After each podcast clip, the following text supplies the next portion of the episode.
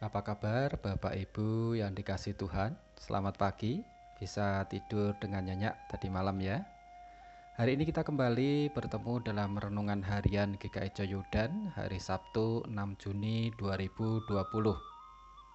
Tema renungan pagi hari ini adalah melayani di balik layar. Sebelum mendengar firman Tuhan, mari kita berdoa. Bapa yang penuh kasih, kami mengucap syukur kepadamu Tuhan, karena pagi hari ini engkau bangunkan dalam keadaan segar, dan kami siap untuk mendengar firman-Mu. Biarlah makanan rohani ini Tuhan menjadi kekuatan dalam hidup kami, sehingga kami dapat melalui hidup ini dengan penuh rasa syukur, karena Tuhan terus menyertai kami. Dalam Tuhan Yesus kami berdoa. Amin. Saudara, Bahan bacaan renungan diambil dari Kolose 3 ayat 23 sampai 25. Saya akan bacakan demikian. Apa juga yang kamu perbuat, perbuatlah dengan segenap hatimu seperti untuk Tuhan dan bukan untuk manusia. Kamu tahu bahwa dari Tuhanlah kamu akan menerima bagian yang ditentukan bagimu sebagai upah. Kristus adalah Tuhan dan kamu hambanya. Barang siapa berbuat kesalahan, ia akan menanggung kesalahannya itu, karena Tuhan tidak memandang orang. Demikian bacaan firman Tuhan. Saudara, seorang dokter di Ethiopia namanya Dr. Nathan Barlow Selama lebih dari 60 tahun dia melayani para penderita Mosi Food.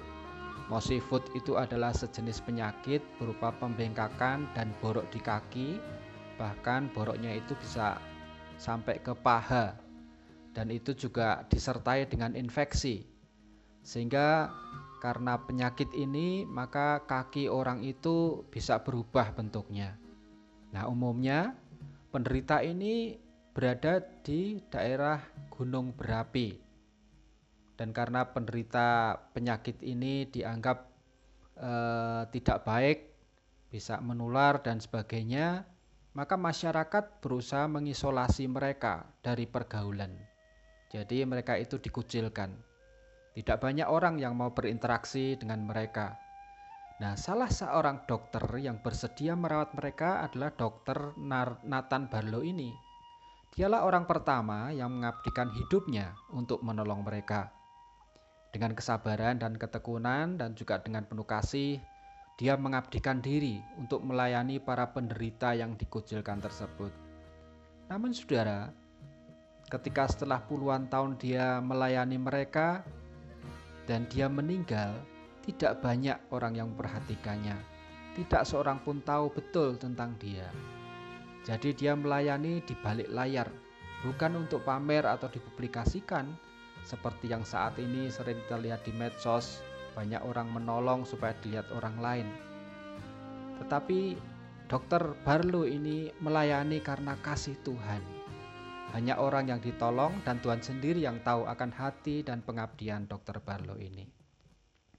Saudara, dalam bacaan kita tadi Rasul Paulus dalam pesannya kepada jemaat di Kolose seperti yang kita baca tadi merupakan perintah Tuhan kepada semua orang baik itu untuk para istri, suami, anak-anak, hamba-hamba, tuan-tuan, agar mereka memperlakukan pasangannya atau orang tuanya atau anak-anaknya atau tuannya atau pegawainya dengan kasih dan tulus hati karena takut akan Tuhan.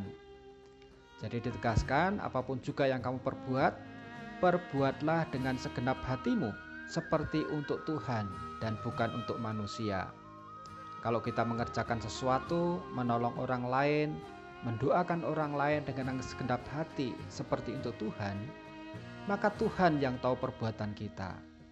Namun kalau kita menolong tujuannya adalah untuk manusia, untuk pamer, menyombongkan diri bahwa dirinya adalah orang baik, maka upahnya adalah dia sudah mendapatkan, yaitu pujian dari manusia, bukan upah dari Tuhan.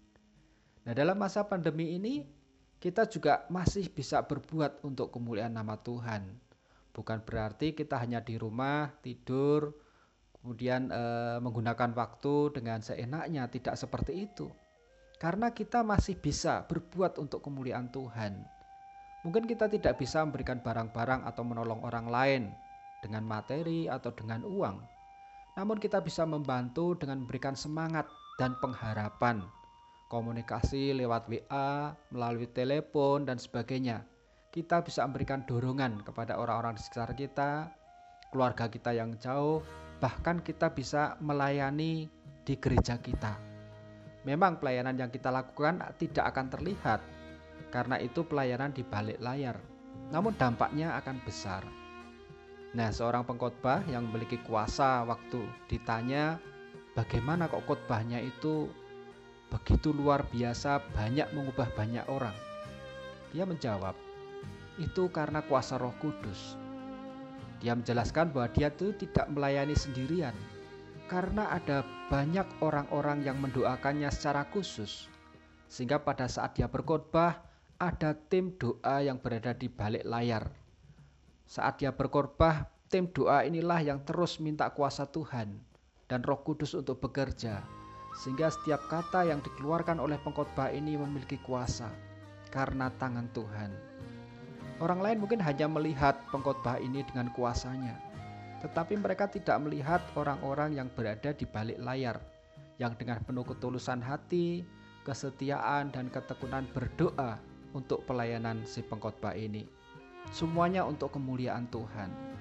Kita pun masih bisa melayani di balik layar, mendoakan para pelayan Tuhan, mendoakan guru sekolah minggu yang terus pada hari-hari ini menyampaikan materi melalui live streaming atau melalui rekaman, melalui WA dan sebagainya.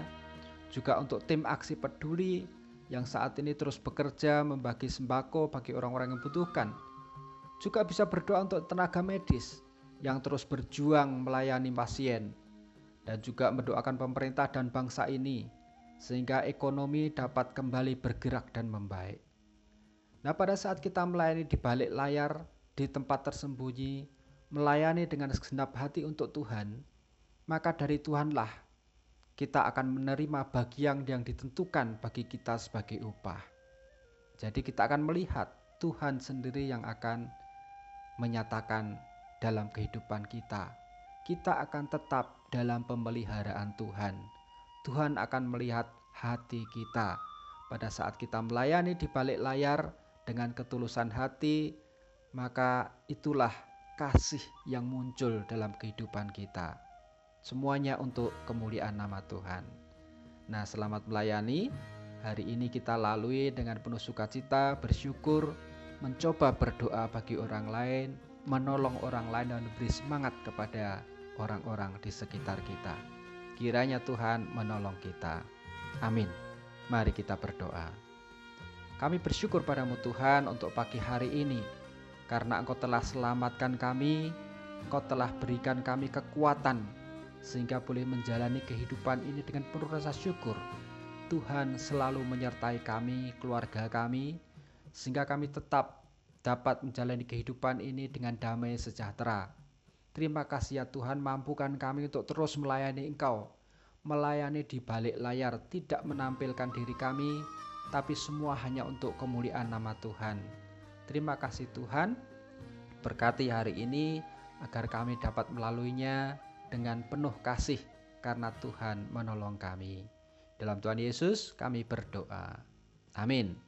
Selamat pagi saudara, Tuhan memberkati.